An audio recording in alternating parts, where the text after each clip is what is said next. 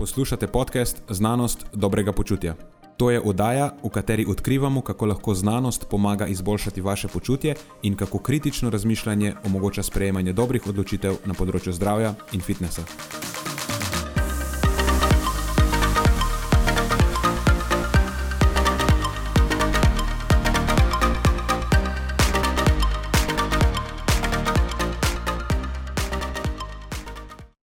Pozdravljeni, z vami smo Nenad in moj sovoditelj Matjaš. V prvem delu epizode boste slišali, kako se prehranjevati v času poškodbe za hitrejše okrevanje in katera prehranska dopolnila lahko k temu koristno prispevajo. V drugem delu pa boste izvedeli, kako časovno omejeno hranjenje, oziroma kot temu rečemo po domače, prekinitveno postenje, vpliva na hujšanje, ohranjanje puste telesne mase in na presnovni profil pri zdravih ljudeh s prekomerno telesno maso oziroma debelostjo. Preden začnemo, pa se moram zahvaliti še našim sponzorjem. Zaenkrat to še vedno ni velika korporacija, temveč zvesti poslušalci, ki nam izkazujete zaupanje in podporo s prijavo v našo člansko skupino Znanost dobrega počutja. Hvala vsem, ki s tem držite luči prižgane in omogočate podkastu, da raste ter postaja še bolj kakovosten. Hvala tudi vsem ostalim, ki nas podpirate z visokimi ocenami in pozitivnimi komentarji, ter tako, da priporočate podcast svojim znancem in prijateljem. Zdaj pa je končno čas za začetek epizode. Uživajte ob poslušanju.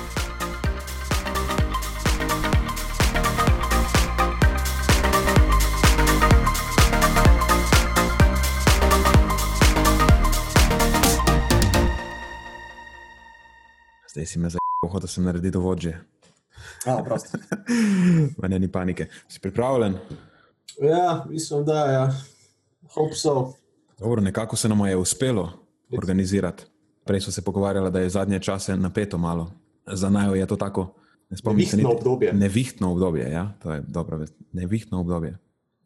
Malo se moramo nakalibrirati na eh, spremembe, ki so se nam zgodile v začetku oktobra.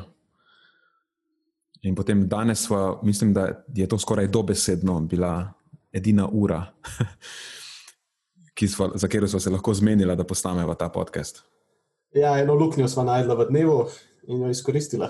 Ja, tako je bilo za, za las, je šlo, sem že hotel odpovedati. Ampak mi je potem je Matjaš vzbudil krivo vest in rekel: Kaj mi nisi prej, kaj mi nisi prej opomnil, da se nisem za brez veze vozil do interneta? Ampak je delovalo, ne? Delovalo je, ja, ja, itak, da je delovalo. Sem, potem, sem moral na hitro, sem moral eh, predelati ta dva članka. Ampak dobro, le. Okay. Tako da, če bo trpela kakovost. Pač, ja, kar name naslovite. To, ja. Mislim, ne, ne na, na te lahko bi tudi jaz prej upravil nalogo, ampak vemo, kaj je vzrok ne, in kdo je kriv. To, da nisem, dejansko nisem našel časa prej za to. Uh, ja, mislim, v tem obdobju sploh oba dva imamo neke obveznosti na fakultetah, oba dva imamo, mislim, delo normalno s strankami poteka, imamo oba dva tudi vsak po ena dva projekta, s katerima se ukvarjava ob strani, v bistvu oba dva, oziroma ti sploh imaš zdaj na FZS predavanja. Mhm, res je. Ja. Ja, v bistvu, se je tudi potem uh, za kongres, jaz počasi že moram razmišljati, kakšno bo. A, tako veš, na kongres sem že popolnoma pozabil, skratka, ja, tudi kongres je v igri. Ja. Uh, morda tudi eno predavanje o bližnji prihodnosti na eni gimnaziji, okay. za eno mlado športno populacijo. To bi tudi znalo biti zanimivo. Mm. Uh, in tako dalje, ja. in pa faks, seveda. V tem obdobju res smo še posebno hvaležni za, za vso podporo. Tako, tako. Za vse, Skratka, ki, pač, ki delite, ki komentirate, ki pač kakršna koli oblika vzpodbude nam še kako pride prav. Dobro, da ne bo predolga, kako bomo začela. Danes nimam nobenega modrovanja na začetku. Boš spet otvoril ta glavni del. Uh, danes sem se pa želel malo pogovarjati o prehrani tekom športnih poškodb. Uh, športne poškodbe je nekaj tako del vsak dan, vsakega vrhunskega športnika, lahko tako rečemo, morda celo neizogiben del uh, karijere nekega vrhunskega športnika. Uh, Uh, skratka, ja, to je ta glavna tema, o kateri sem se želel danes pogovarjati. Ali bi lahko to mogoče razširila na poškodbe na splošno? Ker malo kot sem preletel članek, govorijo o nekem okrevanju po operacijah, ki so lahko tudi take splošne operacije. oziroma operacije, ki ja. jim je izpostavljena splošna populacija. Ja, zagotovo. Ja, v Nekateri bistvu- izmed teh elementov lahko prenesemo tudi na čist, čist na širše, ja, ne, ne zgolj na take kla, klasične, podnarekovaj, športne poškodbe, kakšni izvini in podobno, ampak seveda, ja, neka priprava pred operacijo in po operaciji in podobne stvari. Pa ne samo Ok. okay. za športnike, za generalno populacijo. Uh, ok, mogoče za začetek uh, bi sam tole rad omenil, da proces rehabilitacije športnika je daleč najbolj učinkovit takrat, ko se ga lotimo na tak interdisciplinaren pristop, ne mešanja najrazličnejših praks iz sveta, fizioterapije, vadbe, medicine in pa seveda prehrane. Zakaj to omenjam? Zato, ker bi rekel, da je ravno ta prehranska praksa, vsaj pri nas, eh, dokaj zaposlena, oziroma bi se lahko posvetila malo več pozornosti. To govorim tako čist, čisto iz prakse, ko se pogovarjaš s kakšnimi eh, športniki ali pa njihovimi trenerji. Uh, in ja, š- škoda je, ne? ker eh, prehranske intervencije zagotovo lahko pripomorejo k temu, da posameznik po eni strani ima bistveno manjšo verjetnost, da se sploh poškoduje. In pa če se ta poškodba že pojavi, ima ta igralec veliko večjo možnost, da se bo vrnil na uh, igrišče, uh, to hipotetično igrišče, veliko hitreje. In uh, lahko rečemo, da je to velja ne glede na intenzivnost same poškodbe. Zdaj ali se pogovarjamo o nekom, ki ima neko tako bolj uh, splošno športno poškodbo, ali zvin gležnja, podobne stvari, ali pa malo nategnjeno mišico, ali pa o nekom, ki dejansko mora dati operacijo skozi. Ok, kot nek tak hiter uvod v to temo. In pa kot je Nena domenil, veliko izmed teh prehranskih strategij, o katerih bom govoril, zdaj se dejansko lahko tudi prenese čisto na generalno populacijo. Članek, ki ga bom predstavil, pa je od raziskovalcev Smith Ryan in sodelavcev, ki je uh, oziroma izšel septembra letošnjega leta in se ukvarja s tem, torej kako nekako minimi- minimizirati te ključne negative, ki nastanejo kot posledica neke športne poškodbe ali pa imobilizacije športnika po kakih operacijah in podobno. Torej, tle se pogovarjamo o teh negativnih stranskih učinkih, kot so atrofija mišic in izguba mišične moči, proces zmanjšane sinteze mišičnih beljakovin in pa ta razvoj tako imenovane anabolne rezistence. To je pa ta pojav, o katerem smo že govorili z Nenadom na tem podkastu. Gre se pa za pojav, ki ga sicer zasledimo predvsem pri starejši populaciji, kjer je ta anabolni odziv telesa na zažite beljakovine omejen in moramo potem zaužiti večji delež beljakovin na obrok, če želimo doseči nekako nek ekvivalenten učinek, kot bi ga sicer lahko eh, v zdravem stanju, če se lahko tako izrazim. No, in v tem kontekstu borbe zoper tem preomenjenim negativnim posledicam poškodbe in imobilizacije se izpostavljajo predvsem naslednje točke, vezane na prehrano. Eh, Če vzamemo neko to stvar kot tako hierarhijo, tako piramido, lahko na, na dnu same piramide, torej tisto jedro, tisti daleč najpomembnejši del, začetek energija. Kar se tiče dnevnega energijskega vnosa športnika ali pa posameznika, ki je poškodovan, je bolj kot ne neka igra balanciranja, če se lahko tako izrazim. Telesu po eni strani ne smemo, ga, ne smemo stradati naše telo, ne, v tej fazi je pospešeno, se odvijajo procesi regeneracije, posledica tega je tudi pospešen bazalni metabolizem. In zdaj, če mi telo močno uh, depriviramo energije, bodo seveda ti procesi se odvijali počasneje. Zdaj, zakaj to poudarjam? To je nekaj, kar zelo pogosto opažamo v praksi. Uh, nek športnik se poškoduje in potem kot posledica tega drastično zniža svoj dnevni vnos energije, misleč, da je ne potrebuje toliko. Ja, morda je ne potrebuje toliko, če ni tako fizično aktiven, ampak vseeno pa potrebuje še vedno nekaj. Ne, ni, ni smiselno hujšati v tej fazi, temu temu tako reči. A, ampak po drugi strani pa lahko na, naletimo tudi na problem na nasprotnem polu. Ne? Kajti regeneracijo lahko tukaj omejimo, tudi če se atlet v tej fazi močno zredi. da treba je najti neko zlato sredino. Zato sem rekel, da je to neke vrste igra balansiranja. In um, zatem, ko najdemo ta, to zlato sredino, se lahko pogovarjamo o naslednji točki, ki so zagotovo beljakovine. Zadosten dnevni vnos beljakovine je tukaj ključnega pomena za hitrejšo uh, regeneracijo.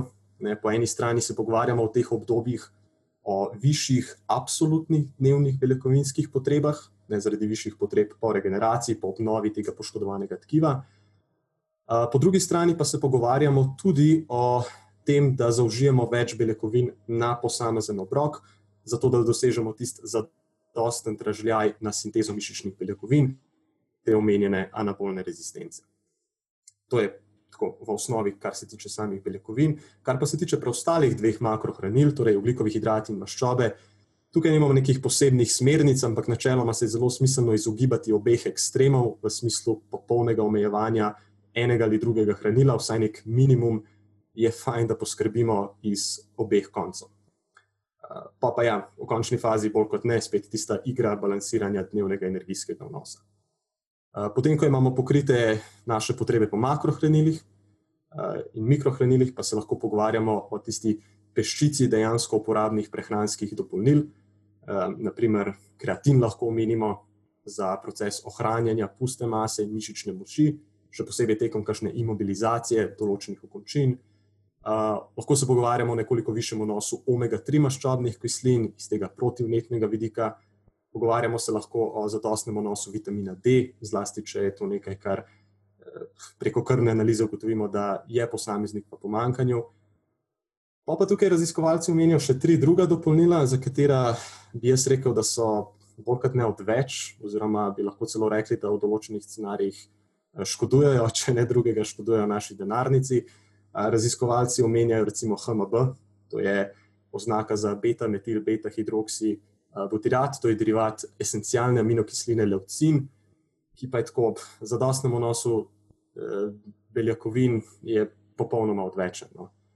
Dodajanje HMB-ja ob zadostnem vnosu beljakovin bo najbrž podoben scenarij, kot da bi se lotili pranja avtomobila, medtem ko zunaj dežuje na polno. Kaj praviš, Nenad? Nekaj takega. Ja. Pretirano izrazil. Ja. Ali pa en tak mim je tistega vaterpolista, ki plava v bazenu in se poliva z plastenko vode po glavi. Se res. Okleval sem, med katerim mimom ne izberem, med pranjem avtomobila v dežju ali med vaterpolistom, ki se zaliva z vodo. Uh, aha, no od teh odvečnih, podnarekovaj, prehranskih dopolnil omenjajo raziskovalci tudi multivitamin. Mislim, meni bi se osebno zdelo bolj smiselno popoziti nekatere specifične vitamine oziroma minerale, ala vitamin D, in ne dozirati tako nekih kompleksov, kar tako po občutku. Na podlagi česa pa svetujejo multivitamin? Na podlagi tega, da, da, da se nekako pokrije vse tiste minimume. Ne, nekako izhajajo iz tega dejstva, da ne bi uh, tudi s prehrano kot tako, tudi če je dokaj dobro urejena, da še vedno lahko pride do nekih pomankanj ne, da lahko določeni vitamini oziroma minerali grejo skozi tisto sito eh, na nek način in da jih lahko s pomočjo multivitaminov tako zaezimo ta pomankanja. Ampak, torej, um, iščem besede, kako bi to vljudno povedal.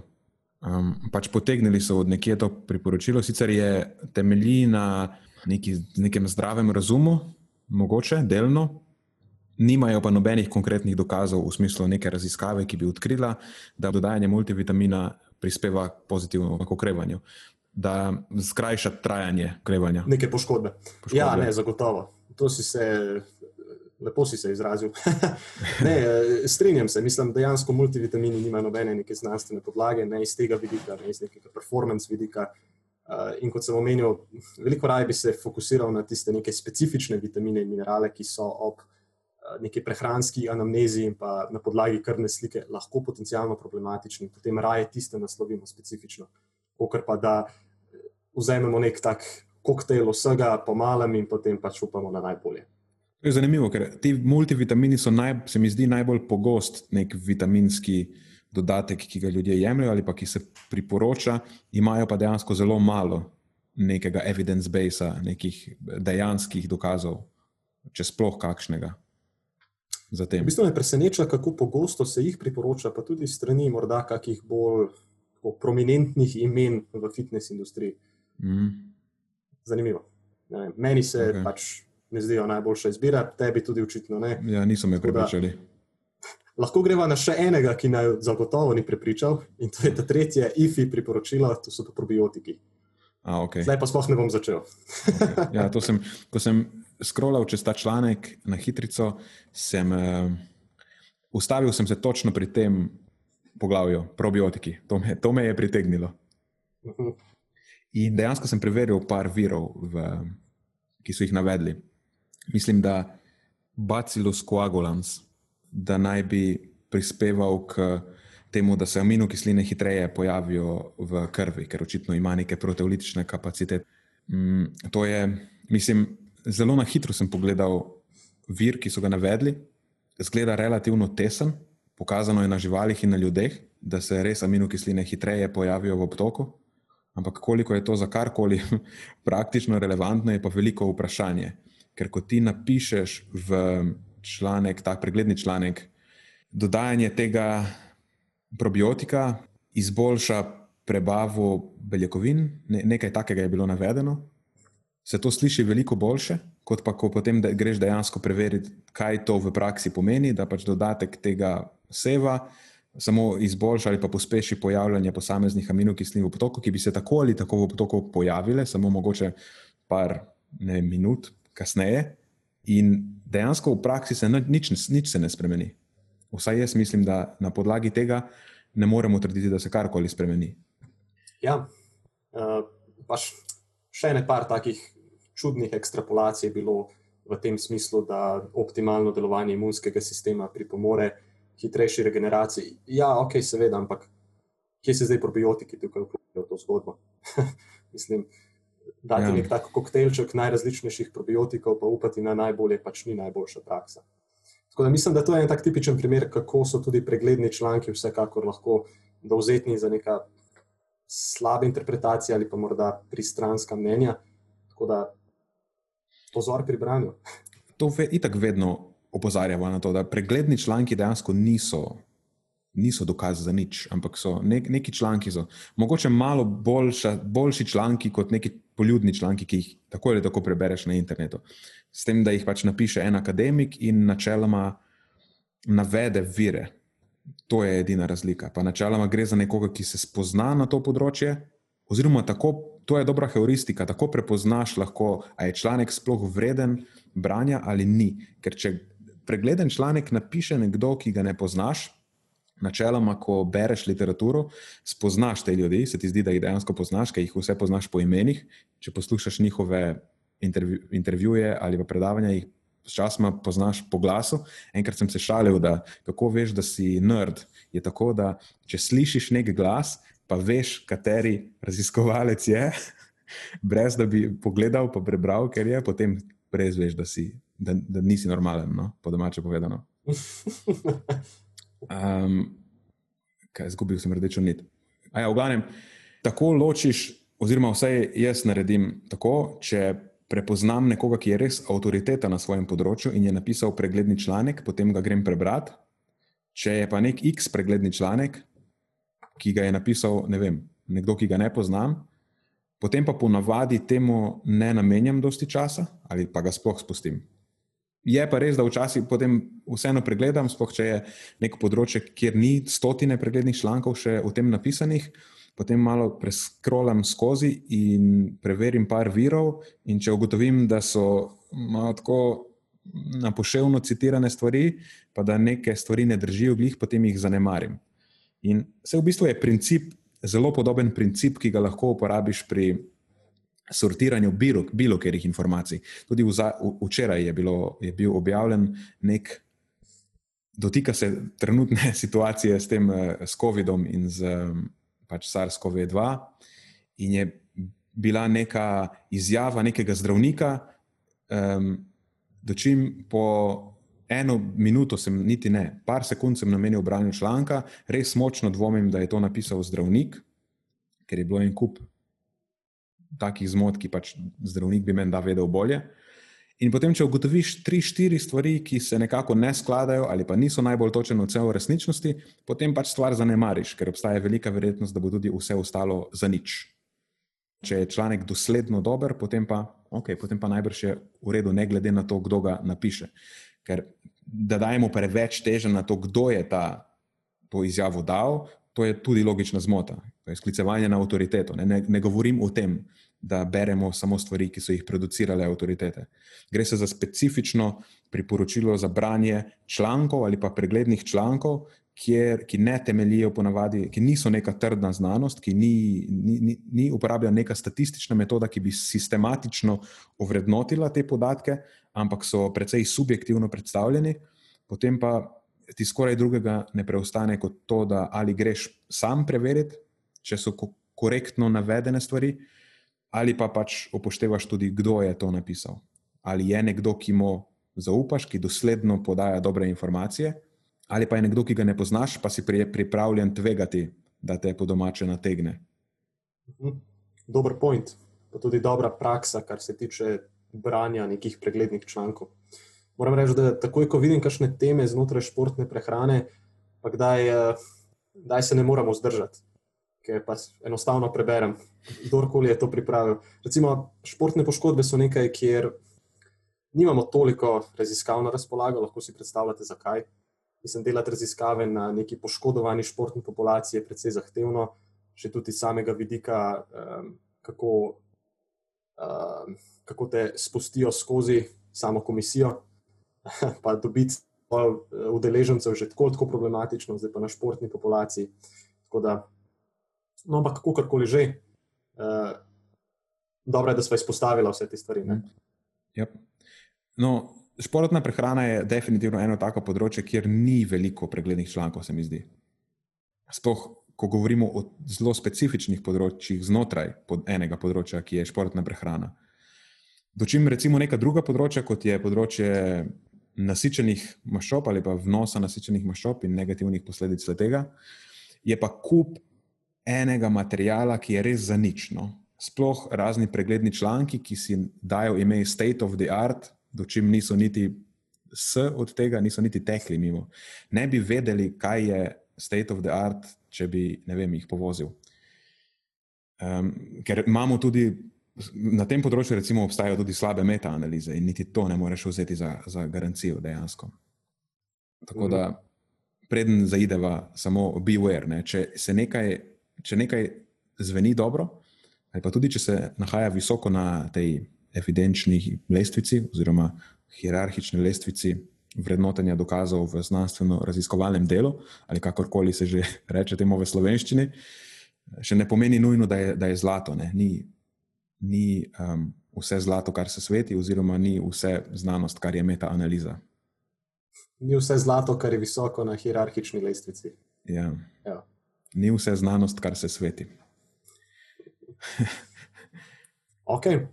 Mm, za konec bi moče sam predstavil še nekaj takih posebnih obdobij, kar se tiče te športne, kar se tiče prehrane tekom športnih poškodb, uh, kjer je morda smiselno dati malo več poudarka na neke stvari. Recimo, eno takih obdobij je takoj po poškodbi, kjer se odvija.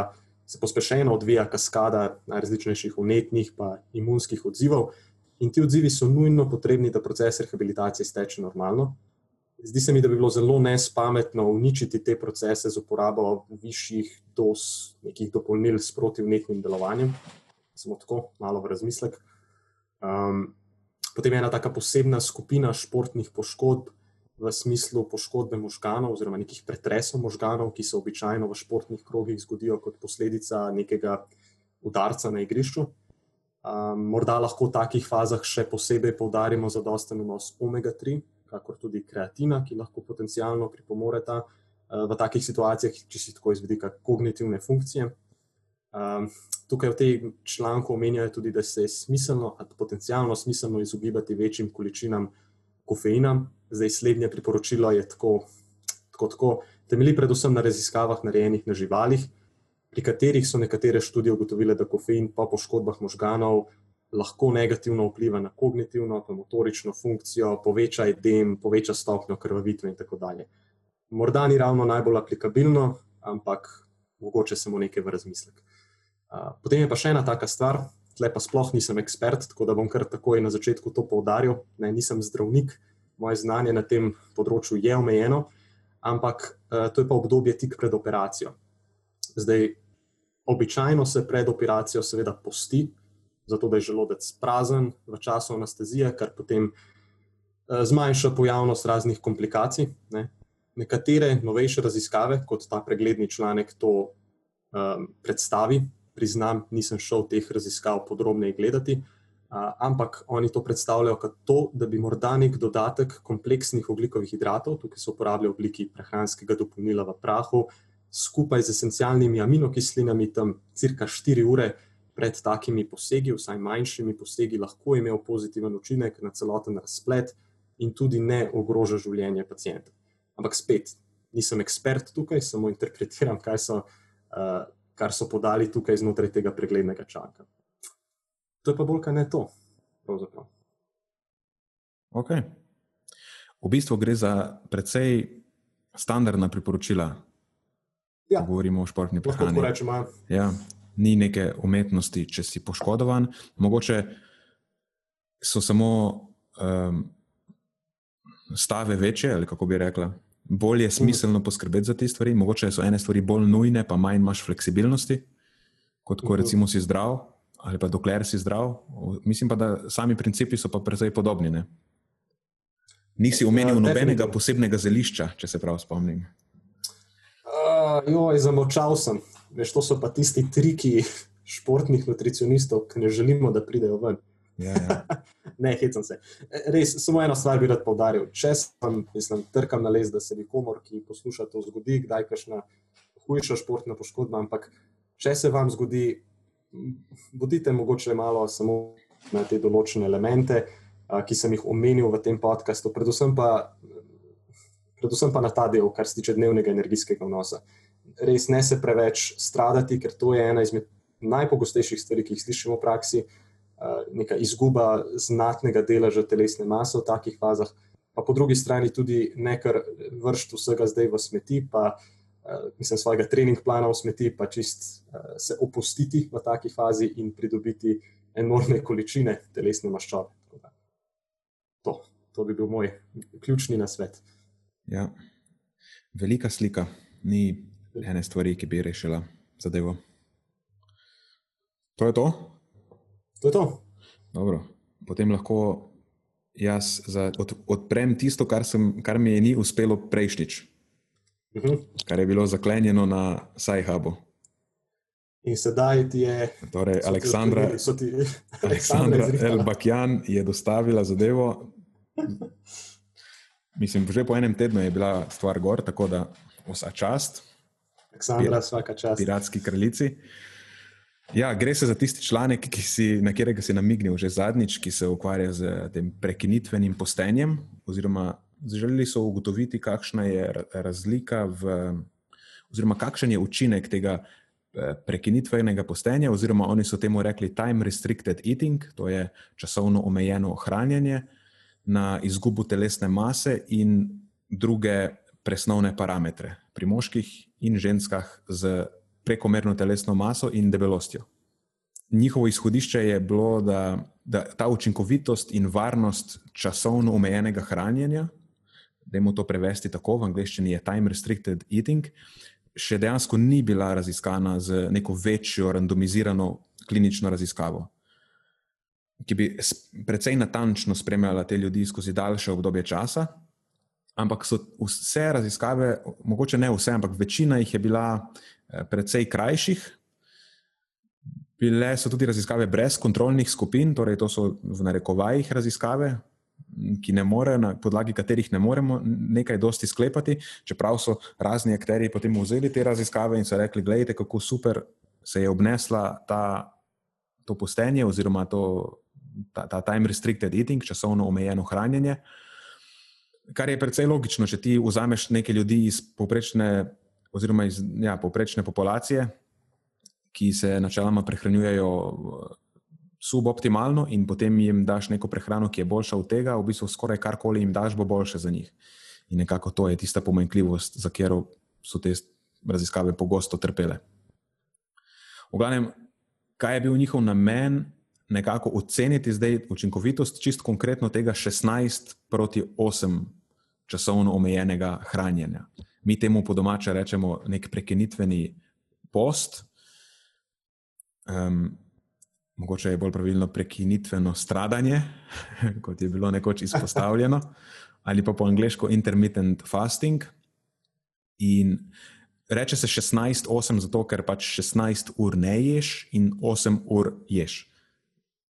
Kar je nekako proti oziroma drugače od tega, kot ljudje to v praksi počnemo, kjer vsaj 12 ur jemo, oziroma še več, če začnemo jesti zgodaj zjutraj, pa imamo obrok pozneje zvečer, mogoče celo 14-15 ur jemo in potem preostalih nekaj ur, oziroma takrat, ko spimo, pa plus minus ena ura na vsaki strani, ne jemo. To je ta bistvena razlika, da gre za to okno hranjenja, ki je, ki je zelo uh, skrčeno. Za njih je zanimalo, seveda, kakšna bo izguba telesne mase, pa kako bo ta zadeva vplivala na dejavnike presnovnega tveganja, torej vse te parametre, ki jih ponavadi merijo. Izidi glavni so bili poleg tega primarnega izgube telesne mase, potem tudi sprememba v maščobni in pusti masi, potem inzulin na tešče, glukoza na tešče, ta hemoglobin A1C, ki je nekakšen marker tega dolgoročnih ravni krvnega sladkorja. To nam sporoča, kako dobro je bil krvni sladkor nadzorovan čez neko daljše obdobje. Potem zanimajo jih energijski vnos, energijska poraba v mirovanju in celokupna, kako se je fizična aktivnost spremenjala v odvisnosti od ene ali pa druge intervencije, pa tudi vsi ti najbolj glavni lipidi, recimo trigliceridi, skupni holesterol, pa lipoproteini, LDL, pa HDL, oziroma holesterol v teh lipoproteinih. Tako da so jih pač kar nekaj stvari spremljali. No? Udeleženci so bili, bilo je 116 moških in žensk, vse skupaj, 60 odstotkov je bilo moških, tako da kar nekaj je bilo tudi žensk, skoraj polovica. 105 jih je končalo, obe intervenciji skupaj, pomeni, da jih je odpadlo samo 10. Stari so bili pa med 18 in 64 let, s povprečno starostjo 46 let, tako da gre za precej neko povprečno populacijo. In indeks telesne mase, ker gre za pretežke, je bil od 27 do 43, torej nekje na to že govorimo recimo o pretežkih ljudeh, ker je krepko nad normalnim indeksom telesne mase, mislim, krepko. Ni glih zdaj, da so to že zelo debeli ljudje, ampak so pač pretežki, in pa do 43, kar pa je že um, definitivno. To je pa že kar konkretno. Ja, nekoč, nekoč so temu rekli morbidna debelost. Danes se to po razredih razvršča, ampak ok. Je pa bila povprečna telesna masa udeležencev 99 kg. Tako da, samo za kontekst. V glavnem, bili sta dve intervenciji, zdaj obe intervenciji sta dobili osnovna navodila, kaj je to zdrava prehrana, kako mora fizična aktivnost izgledati. Torej, nek uvodni posvet, kot ga mi včasih pri nas upravimo, je bil podan njim. Nič več kot to. In potem so jim rekli, če ste v skupini z tremi strukturiranimi obroki, pač imate tri strukturirane obroke, lahko grickate med obroki, nas ne zanima, ampak pač veste, kaj je pomeni primerna prehrana. Tisti drugi v time restricted eating so pa lahko jedli ad libitum, torej po volji, od 12 do 8. In od 8 do 12, potem spet ne. Torej, lahko so jedli, kar so želeli, spet vedeli so, kaj je primerna prehrana. Um, od 12 do 8, torej 8 ur. Tukaj je torej šlo, niso jih namenoma, veš, niso jim namenoma standardizirali kaloričnega vnosa, ampak so res hoteli videti, kaj se v normalnih življenjskih pogojih zgodi, če samo človeku rečeš, ne jej od te do te ure, ali pa če mu rečeš, imej tri strukturirane obroke, ki morajo biti taki. Torej, to specifično jih je zanimalo. Dočim spremljali so vse tiste stvari, precej rigorozno. Tudi v aplikacijo neko posebno, ki sicer ni, mislim, da jim ni prikazovala energijskega vnosa, so morali vnašati, kaj točno so jedli. In dobili so tehnico, s katero so se vsak dan tehtali, in zanimivo uporabljali so ta ora, ora ring, a veš, ki se da na prst. Mhm. To nisem nikoli yeah. Ja. videl, še, da ga je kdo raziskal, vse zdi se mi, da ne. Eh, s tem so merili pa spanje, pa predvsem fizično aktivnost. No? Ok, zdaj pa rezultati, najbolj pomembno. To nas najbolj zanima. Kaj je boljše? Uh mhm. -huh. Ne pusti nas čakati, ne na to. Povej nam že. Torej, primaren izid je bil telesna masa, jih je zanimala. Um, tukaj je ena mogoče taka statistična zanimivost. Prišlo je do signifikantnega znižanja telesne mase pri skupini z omejenim časom hranjenja. In na prvi pogled bi to lahko izgledalo, kot da je ta skupina v neki prednosti, da je ta izid, da je izgubila več telesne mase, posledica tega, da so omejili svoje hranjenje. Ampak, kljub temu, da recimo v skupini s strukturiranim tem prehranjevanjem, ne, s tremi obroki na dan, eh, ni prišlo do statistično značilnega znižanja telesne mase, tudi ni bilo med skupinama nobene statistično značilne razlike. In to je v tem primeru pomemben podatek, ker je kakšna raziskava, ki reče: Op, najdli smo statistično značilno razliko v eni skupini, in to avtomatsko pomeni, da je ta skupina v prednosti. V bistvu ne, ker če ni med skupinama statistično značilne. Eh, razlike, potem pomeni, da je recimo konkretno v tem primeru malenkost višja izguba mase pri skupini z omejenim oknom hranjenja eh, po teh 12 tednih, najbrž povsem na ključna. Ne vem, če so omenili, da je 12 tednov trajala zadeva. Hm. Ker lahko vidimo, da ta skupina z omejenim oknom hranjenja je izgubila malo manj kot en kilogram, z strukturiranim, oziroma s tremi obroki, pa nič cela, dobrih nič cela sedem. E, torej, veš, statistična značilna razlika v uni skupini je pač bila je sprememba tako velika, da je bila statistično značilna, um, ni pa bila, veš, ni pa dejansko sama sprememba med skupinama, pa ni statistično značilna. Se mogoče zdaj, ko govorim, to ni, se ne zveni najbolj logično, ampak ko imaš, ne, ne, ja, ko imaš te številke pred sabo, je precej logično. Čeprav pa glih pred kratkim sem bral en članek, ki, je, ki je poskušal zagovarjati primer, da dajali so nek sladkor, se mi zdi palatinozo oziroma izomaltolozo in je ta skupina izgubila statistično značilno uh, več, oziroma prišlo je do spremembe telesne mase na vzdolj dočim pri kontrolni skupini ne, med skupinama ni bilo razlike, ampak oni so kar lepo, elegantno zaključili, da je interventna skupina bila boljša. Uh, dočim to pač ni korekten zaključek tega. Oglavnem, da ne zgubljamo več na tem dosti časa, na koncu pač in, en in, drug, in ena in druga intervencija, ni bilo med njima razlike. V bistvu obe sta nekako izgubili, ena sicer ne statistično značilno količino mase, ampak nobena ni bila v prednosti. Je pa zanimivo, da so na voljo individualni podatki in spet še ena.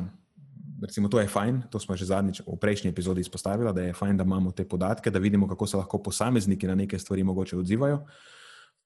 To je za nekoga, ki dela v praksi, lahko precej pomembno. In vidimo, da dejansko izgleda, kot da je res nekoliko več posameznikov na, z omejenim hranjenjem eh, izgubilo maso.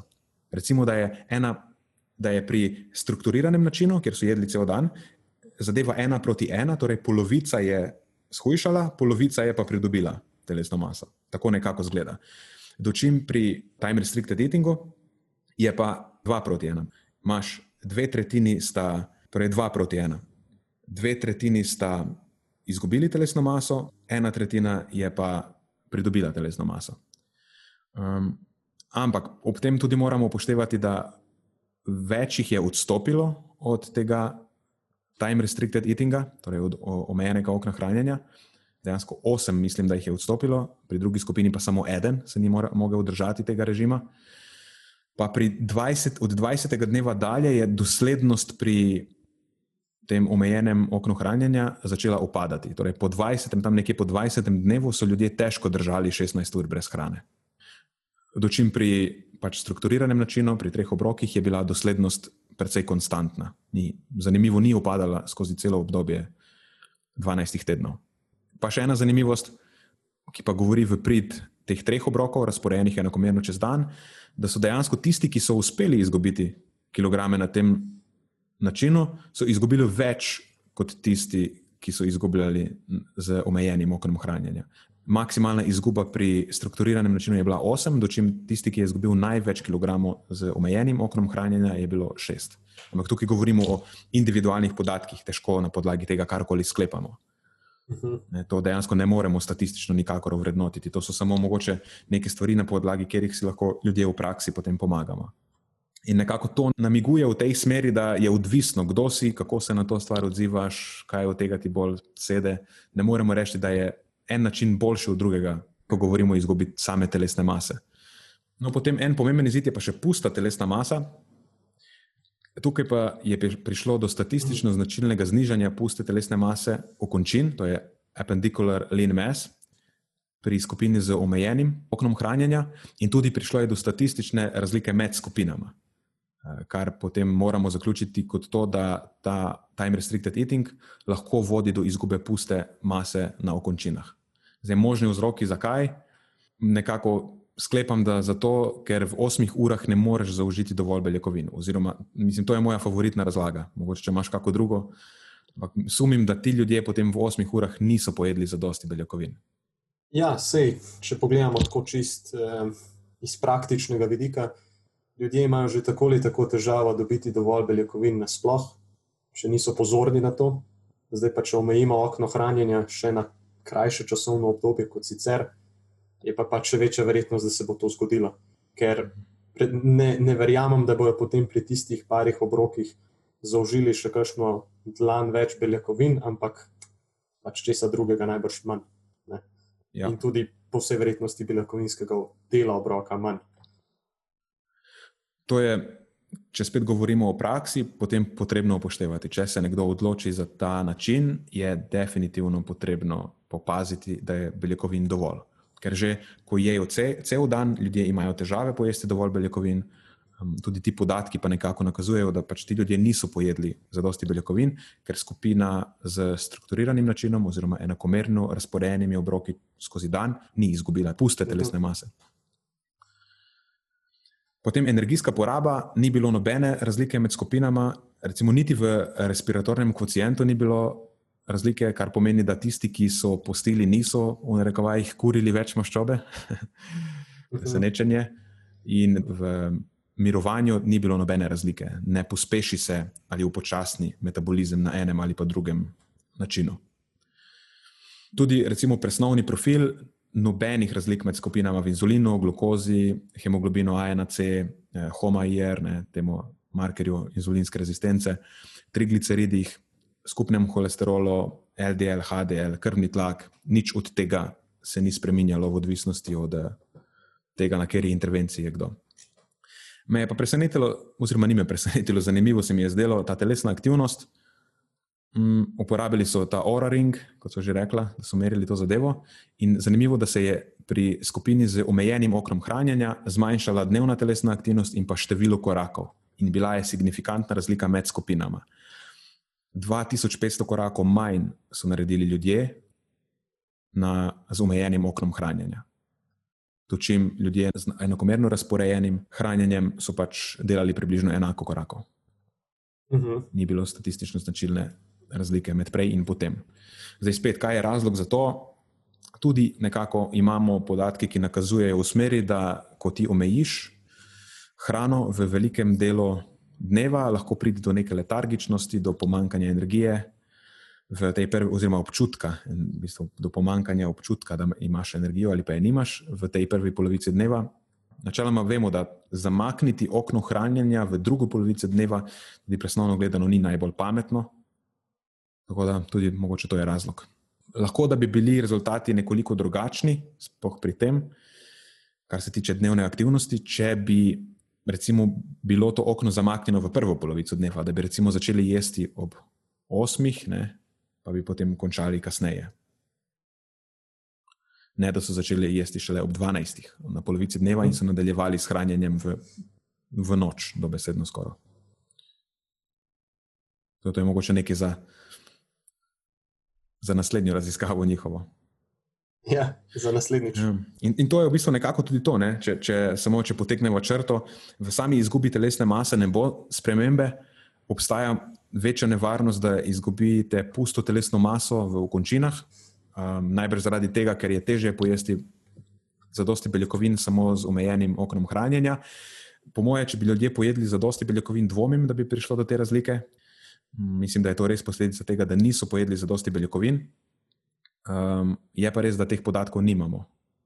Ali pa po mojem zelo hitro, hitrem preletu tega članka, sem, ampak mislim, da, nisem, da ni bilo. Mogoče je v suplementih bilo dodano, ampak nisem potem tega še gledal. Um, in pa, ja, bodimo pozorni na fizično aktivnost. Torej, obstaja tudi večja nevarnost, spoh, če zamaknemo hranjenje v drugo polovico dneva, da bomo pač čez dan bolj letargični in da se nam ne bo dalo iti po vem, upravkih, da bomo pač malo se bolj zasedeli, povsem nezavedno najbrž. In je potem tudi to najbrž smiselno spremljati. Je pa iz vidika presnovnega zdravja dolgoročnega, dočim tukaj recimo ni bilo nobenih zaznanih sprememb, negativnih, eh, tako da tudi to je postavljeno pod vprašaj, ampak vseeno pa obstaja.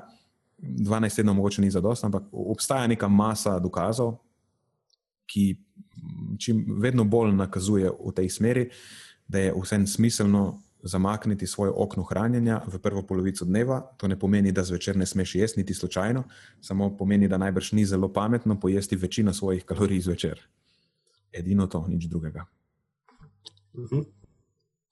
Zdaj pa, ker sem prepričan, da se bo nekdo tudi obesil na to, oziroma ga bo tisto dobro namerno to zanimalo, kar se tiče avtofagije. Morda vas nasloviva na podcast številka 12 in pa številka 15, tam podrobneje, predvsem ne nad razdela temo avtofagije, pa tudi nekaj, kar si ravno kar zdaj v zaključku omenil, uh, malo na temo cirkadijanega ritma, pa krono prehrane. Torej, uh, kdaj je bolj smiselno večino svojega dnevnega deleža energije pojesti in zakaj, in tako dalje. Odlično, odlično si to dodal. Super. Kaj praviš, ne? Ali smo prišla do zaključka? Mislim, da nam je celo uspelo, ne moreš verjeti. In to v enem zelo kulturnem času. Ja. Mislim, da ni, nič ni bilo žrtvovano z vidika česar koli.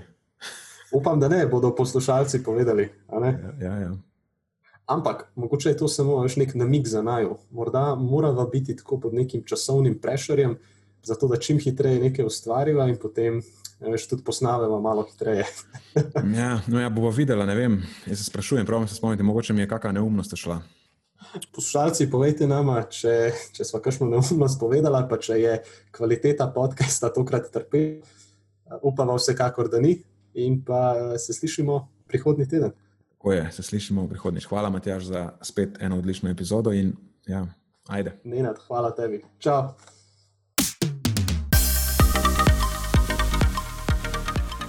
To je za tokrat vse iz naše strani. Hvala, ker ste poslušali do konca.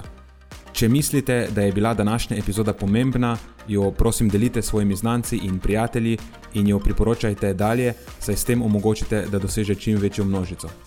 Hvala vsem, ki nas podpirate s članarino in tudi vsem ostalim, ki delite podcast dalje in nam izkazujete naklonjenost z visokimi ocenami in pozitivnimi komentarji. Se slišimo prihodnjič, do takrat pa ostanite premišljeni.